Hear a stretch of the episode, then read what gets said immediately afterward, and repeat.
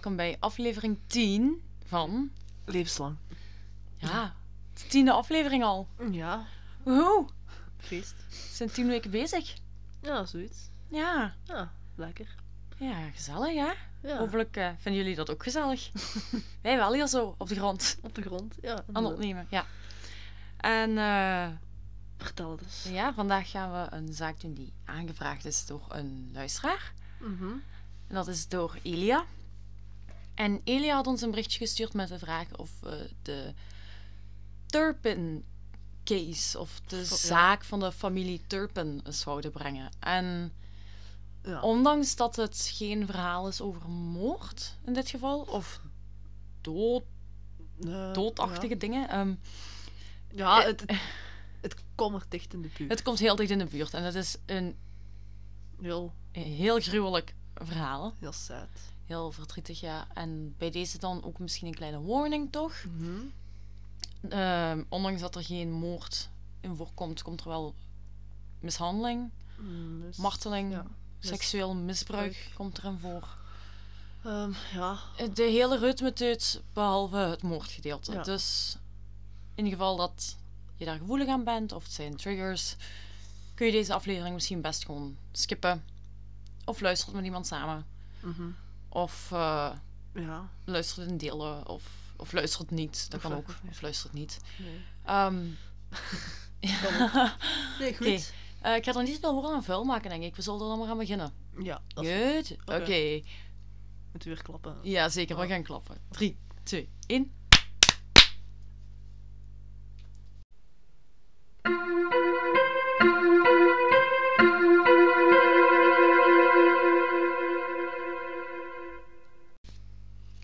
Het verhaal van vandaag dat begint eigenlijk in 1961, want dan wordt David Allen Turpin geboren op 17 oktober van Dat ja. dat jaar van de 61 dus. En dan hebben we een andere persoon, dat is Louise Ann Robinette. En die is geboren, of die werd geboren, op 24 mei 1968. Dus die schelen zeven jaar en die twee ontmoeten elkaar op de Princeton High School in Princeton, West Virginia, in Amerika. En dat worden eigenlijk high school sweethearts, ondanks het leeftijdsverschil van zeven jaar. En Louise heeft zelf geen echt goede thuissituatie. Mhm. Die wordt misbruikt door haar grootvader en haar zus ook. En wanneer Louise 16 is, ziet ze eigenlijk de kans om eigenlijk weg te lopen samen met David. En het koppel trouwt in Pa- Paris, Parisburg, Parisburg. Pa- Ik kan mijn eigen geschriftsvers niet lezen. Wat? Oh, Laat mij het eens lezen. Nee, ah, het is oké. In, ah ja, in Parisburg, Virginia in 1985. Ik ga hier zelfs even knippen. Het koppel trouwt in Parisburg, Virginia in 1985. David was toen 23 jaar en Louise 16. Het was voor haar een manier om te ontsnappen aan Ah, haar ja, thuissituatie. En David was eigenlijk een ja, soort van computertechneut, mens. En Ja. hij, die was afgestudeerd van de Virginia Tech en hij heeft gewerkt voor Lockheed Martin en later ook nog voor Northrop Grumman. Oké. En beide personen waren lid van de Pinksterbeweging. Dat is iets gelovigs. Ik wist niet wat de Pinksterbeweging was, dus ik ben het even gaan opzoeken. Mhm. En ik heb het even heel kort samengevat. De Pinksterbeweging is een christelijke stroming die ontstond aan het begin van de 20e eeuw binnen eigenlijk het protestantse kerkgenootschappen. Oké. Dus daar kwam een aftakking in. En bij deze aftakking leg- ligt de nadruk heel sterk op de belofte van de Heilige Geest, die Mhm. de discipelen van Jezus volgens de Bijbel op de Pinksterdag ontvingen. Dat is Dit is gewoon ja, letterlijk een definitie. een definitie eigenlijk, eigenlijk, ja.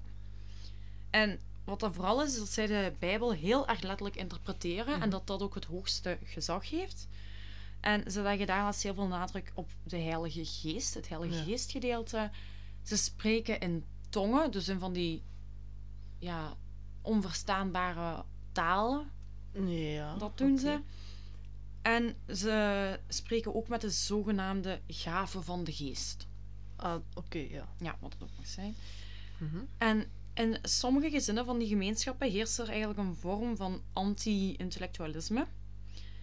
En dat is eigenlijk dat ze willen dat er een, dat is in die gezinnen een, eigenlijk nog een heel kinderlijke vorm van geloven bestaat. Dus dat je echt alles nog heel letterlijk gaat nemen. En, Wat je als kind denkt. ja, en die hebben bijvoorbeeld ook een afkeer van ja, theologische opleidingen of iets wat met God te maken heeft, dat niet exact hun beeld is. Daar Ja, tegen. Dus, Alles wat er rondvalt. dus, en dan ook inderdaad scholen waar dan iets werd gegeven van ja, godsdienst. Oh ja, nee. Dat, nee, nou.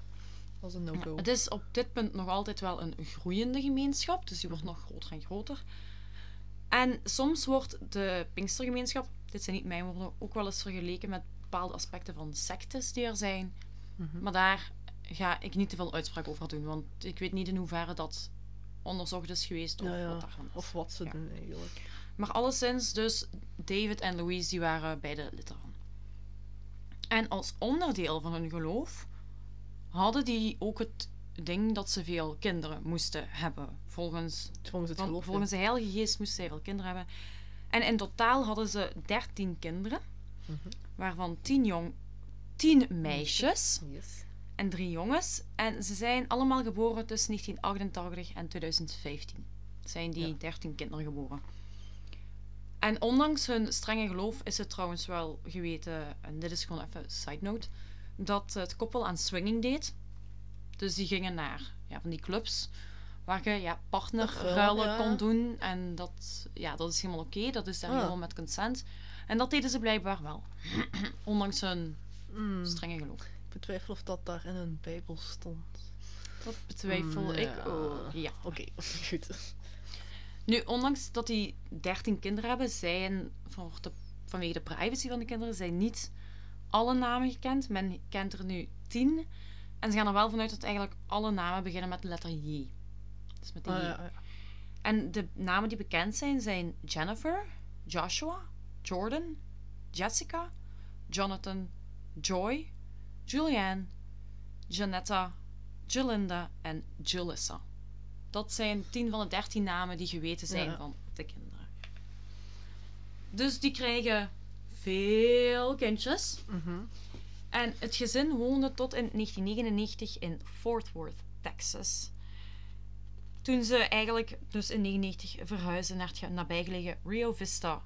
Ook nog altijd Mm, in Texas, Texas. ja. Dus ze hebben even daar gewoond met de kinderen en dan Vooruit. naar Rio Vista. En een van de buren die, die naast hen heeft gewoond daar in Texas, die heeft wel te kennen gegeven dat ze het gezin eigenlijk nauwelijks zag. En dat het gezin ook nauwelijks contact zocht Mhm. met de andere bewoners daar. Dat die heel veel op zichzelf Ja. waren. Heel geïsoleerd. De precieze data zijn onbekend, maar tijdens de periode dus dat ze nog in Texas woonden, mocht eh, het oudste kind, dus de dochter, en dat is volgens mij Ehm, Jennifer, Ja, dat is volgens mij is dat ja. Jennifer, ging die wel naar school, maar toen ze ehm, in het derde leerjaar zat in de Crowley Independent School District in Texas, werd ze gepest omdat ze eigenlijk elke dag dezelfde kleren aan had en omdat ze ja, Stinkt, dat ja, en ze rook Ja, helemaal nee. niet fris. En daar werd hij voor gepest, maar daar is nooit echt verder naar Gekeken. gekeken of onder. Ze was ook heel ja. mager, omdat ze... Ja, ja, ze was heel mager en bleek, maar er werd niet meteen. Er ging geen belletje Nee, rinkelen. nee, niet echt. Ja. En een paar jaar verder, in juni 2001, komen eigenlijk de Texas authorities, de autoriteiten daar, wel voor de eerste keer met familie in contact. Want de Hill County Sheriff's deputies die gingen naar de woning toen in Texas, omdat er een vierjarig meisje gebeten was door een border collie. Mm, Dus een van hun kinderen was gebeten door een border collie. En toen zijn ze daar wel even geweest. Dat was niet veel en terug weg. En dan opnieuw, twee jaar later, in februari 2003, gaan de Texas authorities voor de tweede keer naar het huis. En ditmaal omdat de varkens van het gezin, die woonden Mhm. op een soort boerderij, Ja, dat is juist, ja. die waren uitgebroken en die hadden ongeveer 25 kilo aan hondenvoer opgegeten van de buren. Oké. ja. Ja, inderdaad. Ja. Dus, eh, 25 kilo. ja, dus in 2001 en 2003 zijn de authorities wel langs geweest, maar voor andere dingen. En daar is nooit verder echt Ja, ik denk als je ingekeken. wordt opgeroepen voor eh, een geval met de honden, of met hondenvoer en het varkens, dat je niet dan direct gaan denken van, oh ja, wat is met die kinderen? Of, ja, ik denk nee. niet dat je dan verder kijkt dan je neus lang is Nee, ik denk dat ook niet. En die zijn goed in dingen verbergen, die mensen. Dus. Ja, goed. En tegen 2007 hadden ze op dat punt al 12 van hun kinderen. En ook in dat jaar werden 10 van de kinderen verhuisd van de woning naar eigenlijk een alleenstaande oude caravan die ergens op hun terrein stond. Dus Ja.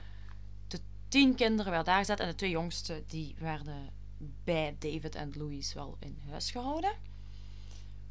En ze lieten eigenlijk die tien andere kinderen daarin zitten en een beetje voor zichzelf zorgen. Je ging daar niet echt naar kijken. Ze bracht elke week wel boodschappen naar de caravan, maar dat was eigenlijk herhaaldelijk niet genoeg om alle tien Ja. daarvan te kunnen eten. En Jordan, een andere dochter van hun, die op dat moment zes jaar was, die zei dat, ze, dat er heel veel uithongering gaande was Ja. onder hun.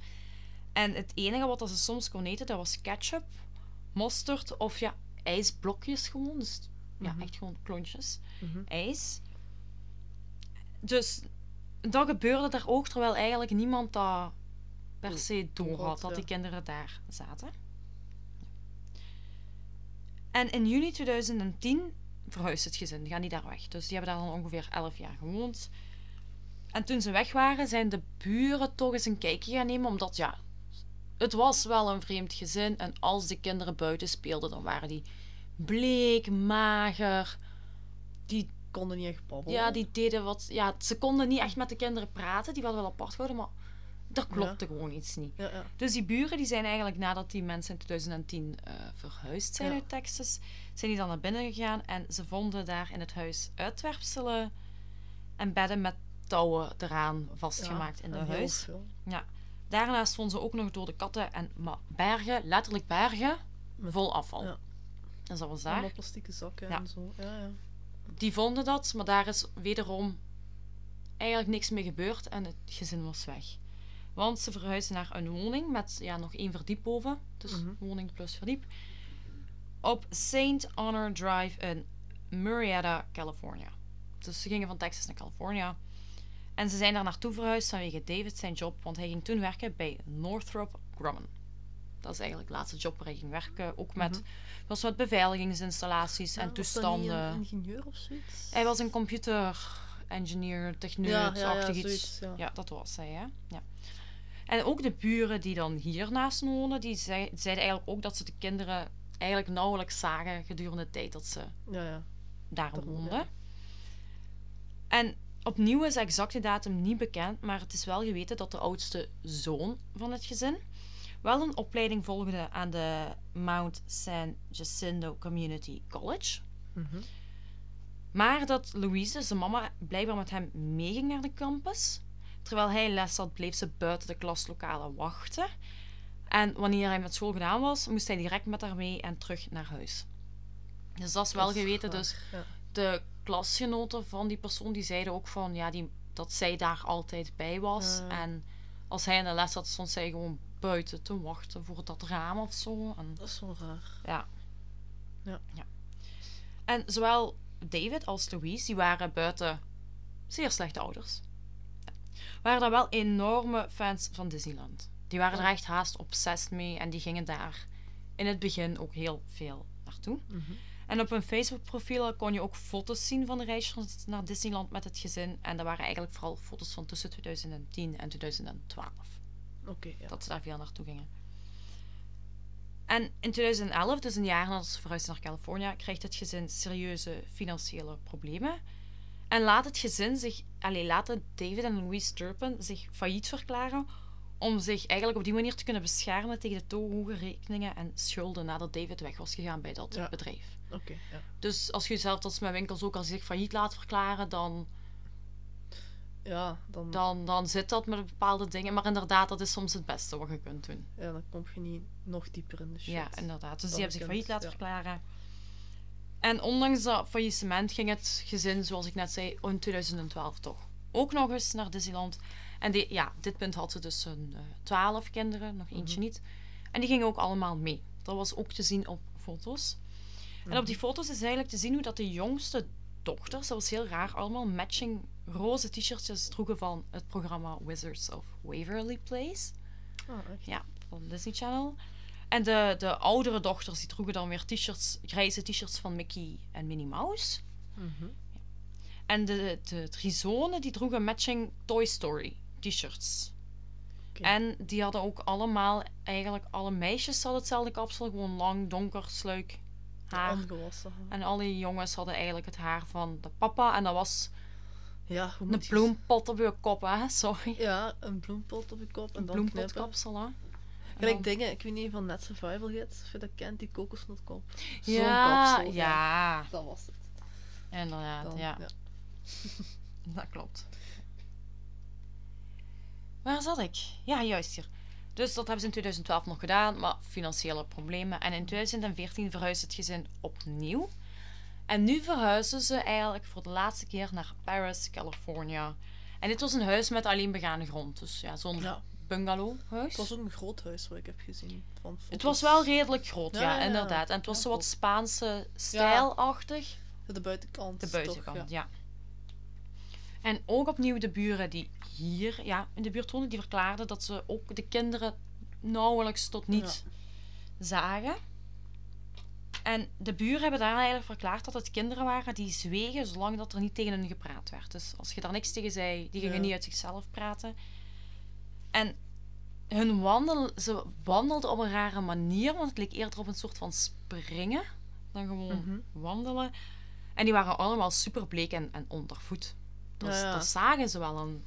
maar ja, daar werd niet veel aan gedaan. En in 2015 hernieuwen David en Louise voor de derde keer hun huwelijksgelofte. Hebben ze in 2011 en 2013 ook al gedaan.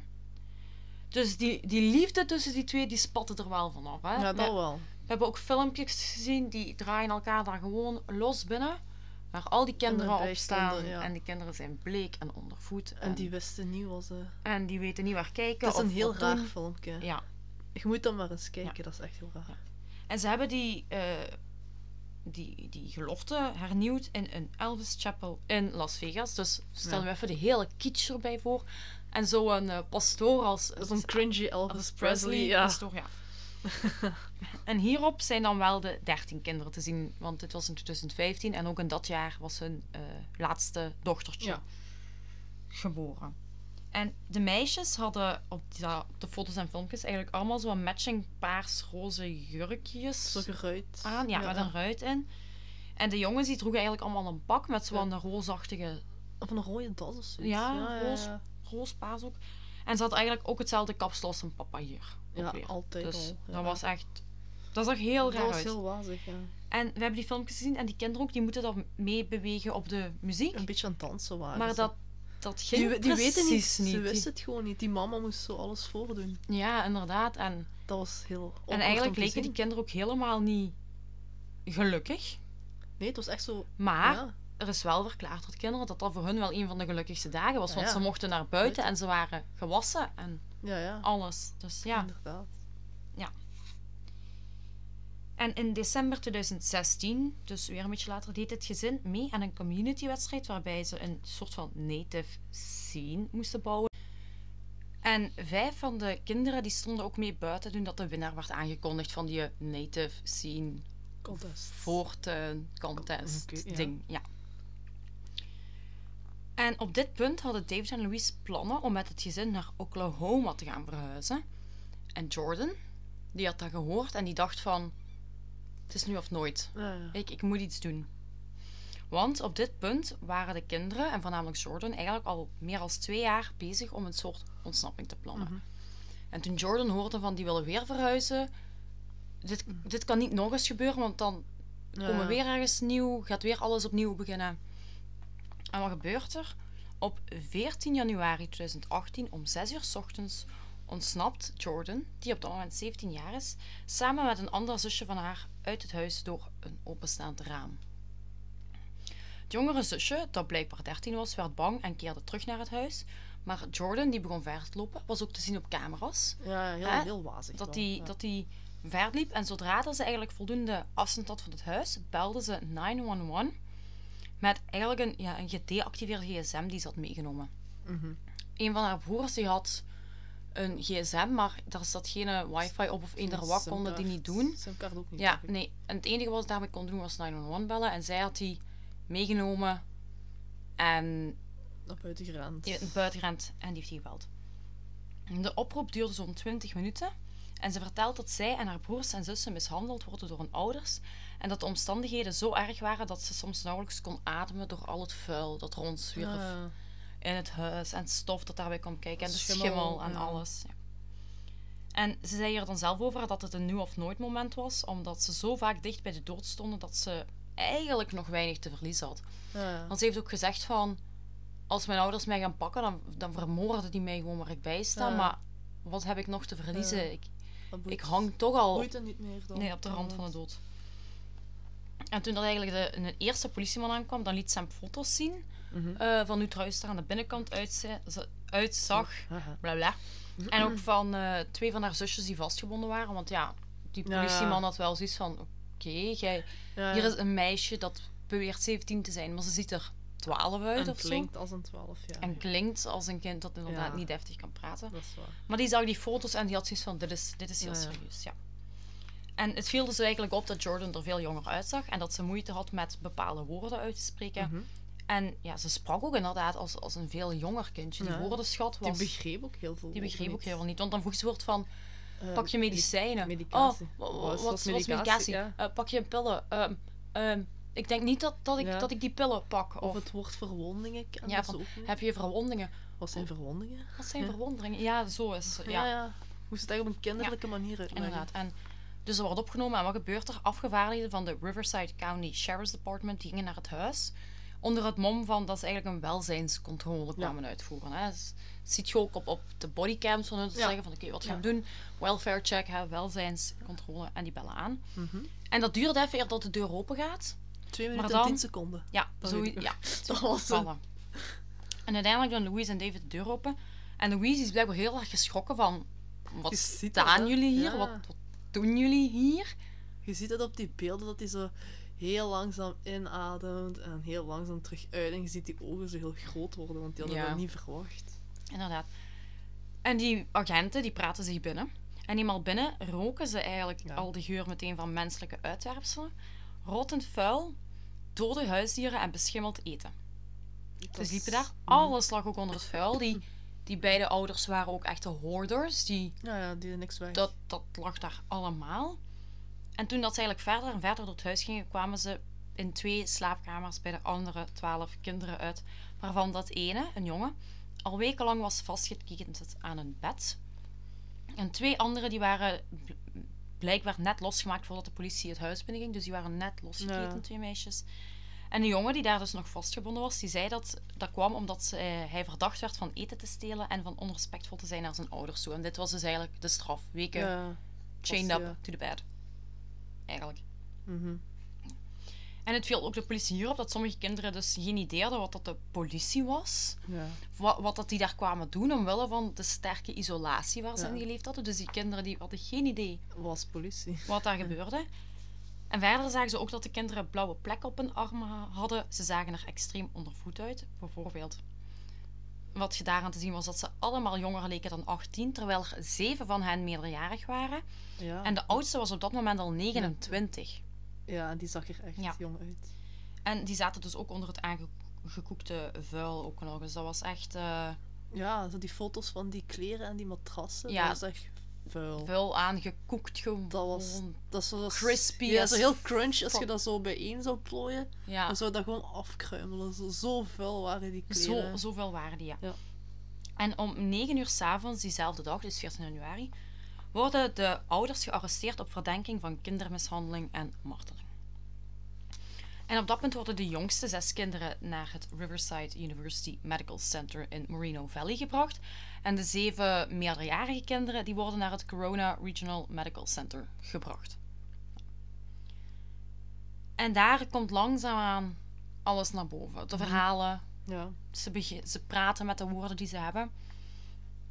En als je kijkt naar de, de misdrijven die ze hebben gepleegd, dan is het eigenlijk zo dat David en Louise hun, hun kinderen jarenlang hebben opgesloten, hebben geslagen en hebben gewurgd als straf. De kinderen die kregen daar maar één keer per dag eten. Wat ze kregen was meestal brood met hespenworst ertussen of met pindakaas. Terwijl de ouders eigenlijk constant takeaway bestelden en echt junkfood. En Ja, ja, ja. Op die diepvriesdingen. ja, op die foto's is ook te zien dat huis ligt bezaaid met McDonald's zakken en, Pizza Hut en, en alles gewoon, ja. En de ouders lieten eigenlijk voor hun eigen plezier soms appel- en pompoentaart op het aanrecht staan. Maar dan verboden ze wel de kinderen van ervan te mogen eten. Ja, dat is juist. Dus daar stond dan wel lekker eten, alles. Maar die mochten er niet van, eh, niet van eten. Nee. En door die ondervoeding zagen ze er inderdaad veel jonger uit. De 29-jarige, dus op dat moment de oudste, die Ja. woog 37 kilo. En dan was er een 11-jarige die een armomtrek had van een vier maand oud kindje. Van een vier maanden oude baby. Baby, ja. Zodanig erg. Ze, en ze hadden ook allemaal een groeiachterstand en meerdere hadden ook nog eens last van spieratrofie. En dat is het dunner en minder, minder krachtig worden van de spieren. Ja. Dus dat was allemaal ter gevolg van de uithongering. Ja, ja. En daarnaast mochten de kinderen slechts één keer per jaar een douche pakken. Ja, Daarnaast mochten ze zelden of nooit naar de wc gaan. Dus het was doen waar het kon. en de slaapkamer. waar het kon. En ze kregen geen speelgoed, ook al stond het huis vol speelgoed. Die kinderen mochten daar niet mee spelen, want ze werden het meest van de tijd in hun kamers opgesloten en daar lag niks van speelgoed. Dat lag allemaal in de garage en zo. En Ja, en wat voor speelgoed die ook hadden. Ah, Ja, en wat die ouders dan kochten. Ja, echt dat van was, alles. waren zo speciale limited editions van bepaalde dingen. En ja, spullen wat je bijna niet kunt vinden. Dat was echt ja, maar dat was onaangeraakt door. En ook kleren. Ja, Dure kleren. ja, inderdaad. Met de kaartjes er nog aan en zo Mhm. van die toestanden. inderdaad. En de kinderen die, die, hadden Ja. daar, die konden daar niet aan. Die mochten niet. En de kinderen die moesten eigenlijk blijkbaar ook vooral doorheen de dag slapen. En die mochten eigenlijk maar een paar uur per nacht actief zijn. Waarvan ze dan heel soms misschien eens naar buiten mochten, maar meestal niet. Ze werden ook vastgebonden aan de meubels. En eerst werd dat gedaan met touwen. Mhm. Maar omdat ja, die kinderen, weet je, die werden groter, wel toch slimmer. En die vonden manieren om uit die touwen te Ja. komen met hun handen en voeten.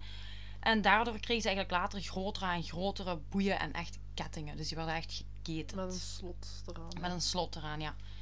En de onderzoekers concludeerden dat eigenlijk alleen het jongste kindje, dat op dat moment twee jaar was, dat zij niet mishandeld was. Dus dat zij wel voldoende Ah, eten kreeg. Ja. in principe... Heel tegenstrijdig als Ja, het zo maar, ja. En dan op 18 januari, dus vier dagen later, Mhm. Pleiten zowel David als Louise dat ze onschuldig zijn aan de beweerde aanklachten in de Riverside County Superior Court. Ze zeggen van, nee, we hebben dat niet gedaan. Mhm. En als reactie daarop wordt er een persconferentie gehouden, waarbij dat ze eigenlijk aan het publiek bekendmaken dat er kinderen zijn gevonden, dat die gekweld zijn met, met eten, dat die uitgehongerd waren tot het punt dat ze stopten met groeien, dat ze waren geslagen, gewurgd en vastgebonden. Om eigenlijk aan te tonen van deze mensen zijn niet Onschuldig. Ja, ja. Ze, ze, ze pleiten onschuldig, maar dit is wel wat we hebben gevonden. Dus Ja, ja. gebeurt ook, dit wordt ook een hele trial by media. Ja, Eigenlijk, hè? En ze wordt uiteindelijk beschuldigd voor 12 keer martelingen, 12 keer onwettige opsluitingen, 7 mishandelingen van ehm, volwassenen, maar van volwassenen die hulp, van hulpbehoevende volwassenen. En 6 keer voor kindermishandeling. En David Turpin wordt ook nog eens beschuldigd van seksueel misbruik bij één van zijn kinderen die jonger was als 14. Oh. Dus dat kwam er bij hem nog eens extra bovenop. En in juni 2018, dus tijdens dat de rechtszaak bezig is, wordt de 911-call afgespeeld tijdens het proces. En ze liet ook foto's zien waarop twee van de kinderen dus vastgeketend Ja, waren. ja, ja. Dus die foto's die zij, die Met dat- Jordan met de gsm had gemaakt. met gsm had gemaakt, die werden ook getoond aan de jury. En op 29 december 2018, dus Bijna een jaar later. bijna een jaar later, wordt het huis in Paris, California, ter veiling aangeboden. Van, eh, het wordt Ja. zeker niet meer teruggeven. Het is, het is het House of Horrors, wordt het genoemd. Dus Ja, het is zo vuil eigenlijk. het is zo vies en vuil dat Ja. ze inderdaad het maar hebben ter veiling ja. aangeboden. Ja. En dan op 22 februari 2019, dus iets meer dan een jaar later, veranderen beide ouders van een, een verklaring van onschuldig naar schuldig. En ze pleiten schuldig voor één marteling, één, één keer marteling, Ja. drie keer eh, het vrijwillig uitvoeren van kindervreedheden, vier onwettige opsluitingen en zes mishandelingen ten opzichte van een hulpbehoevende volwassene. Ja.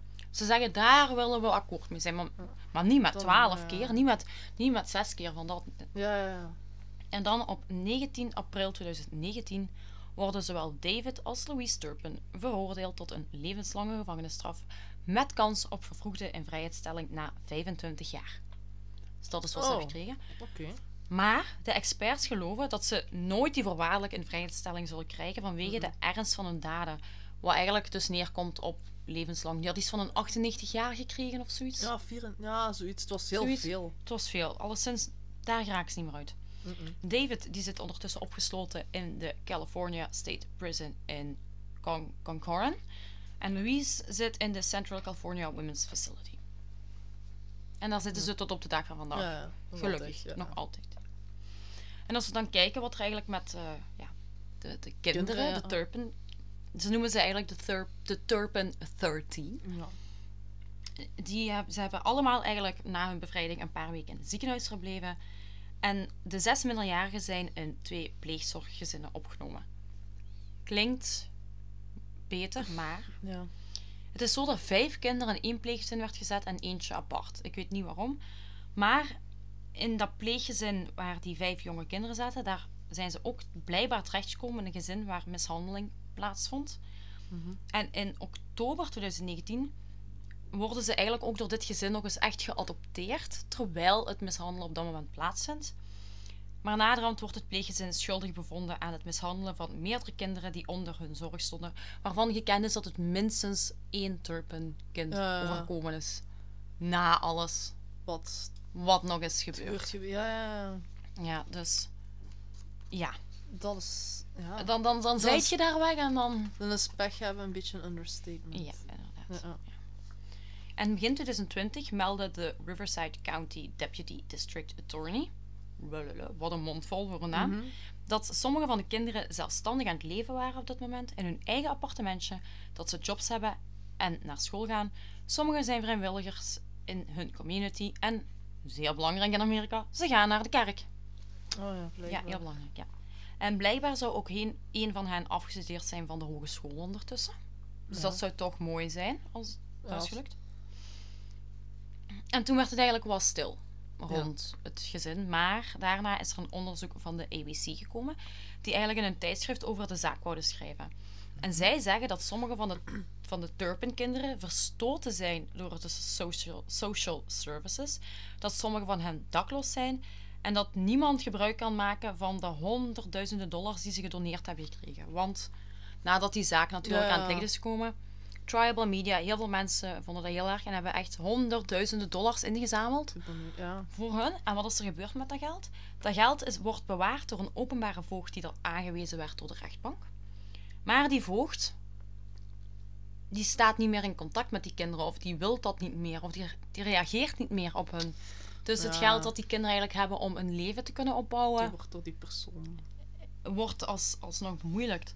Ja, ja. En zo zegt een van de kinderen, Joshua, dat hij niet aan het geld kon en dat hij dus zelfs geweigerd werd om gewoon een fiets te kunnen kopen. Terwijl daar honderdduizenden Ja. dollars op die rekening staan. Ja. En daarnaast heeft Jordan Turpin ook nog te kennen gegeven dat ze zonder waarschuwing was losgelaten van pleegzorg.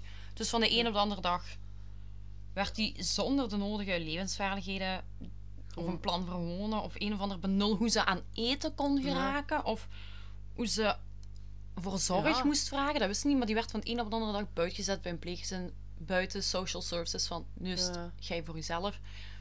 Maar die hadden nog... Die allee, hadden niks. die, die, die hebben geen skills, die, wist, die weten niet hoe Die weten niet hoe ze moeten leven. dat moeten doen. En die werd daar gewoon terug boem baf Op voor, straat gegooid. ja, voor verdomme feit gezet.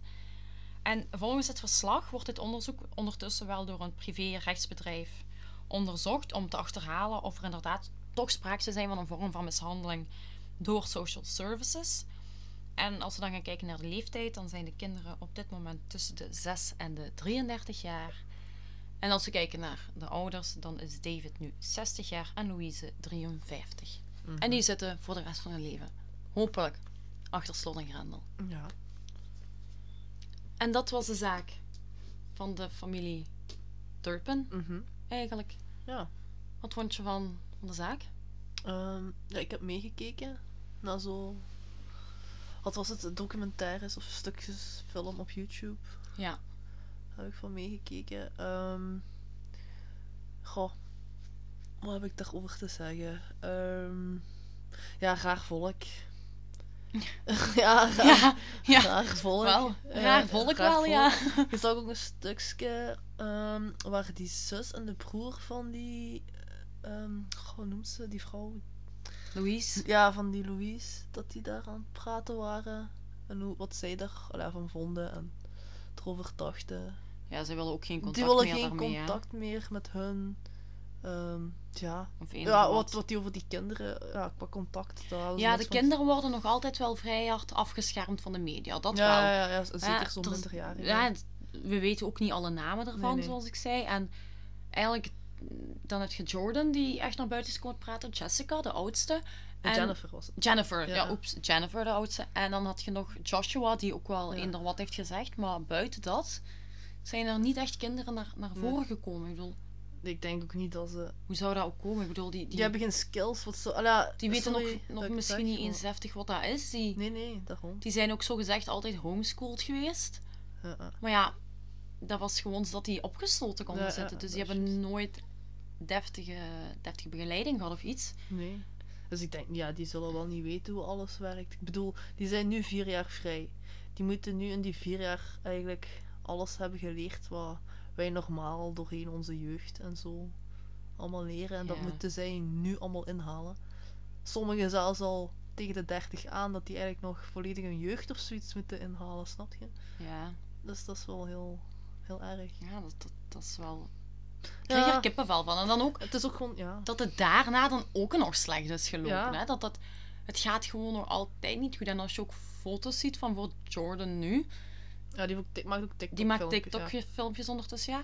Maar die ziet er nog altijd heel bleek en heel ja, Mager. mager, uit En eigenlijk. die haar woordenschat is ook nog altijd niet zo uitgebreid. Nee, niet je, heel je merkt uitgebreid. het ook dat hij sommige dingen ook anders zegt. Die, ja, hoe moet ik ja.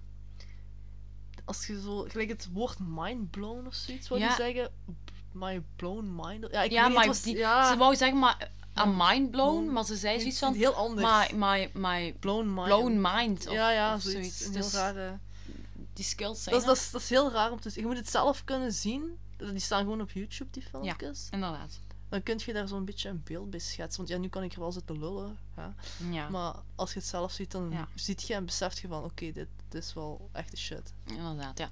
Vandaag komen ook wel nog de foto's online over de zaak die ik erbij ga zetten. En ehm, als jullie jullie meningen willen delen Ja. over deze zaak, Of meer info hebben. of meer info hebben, of Een beetje, weet ik het. weet je, weet ik het.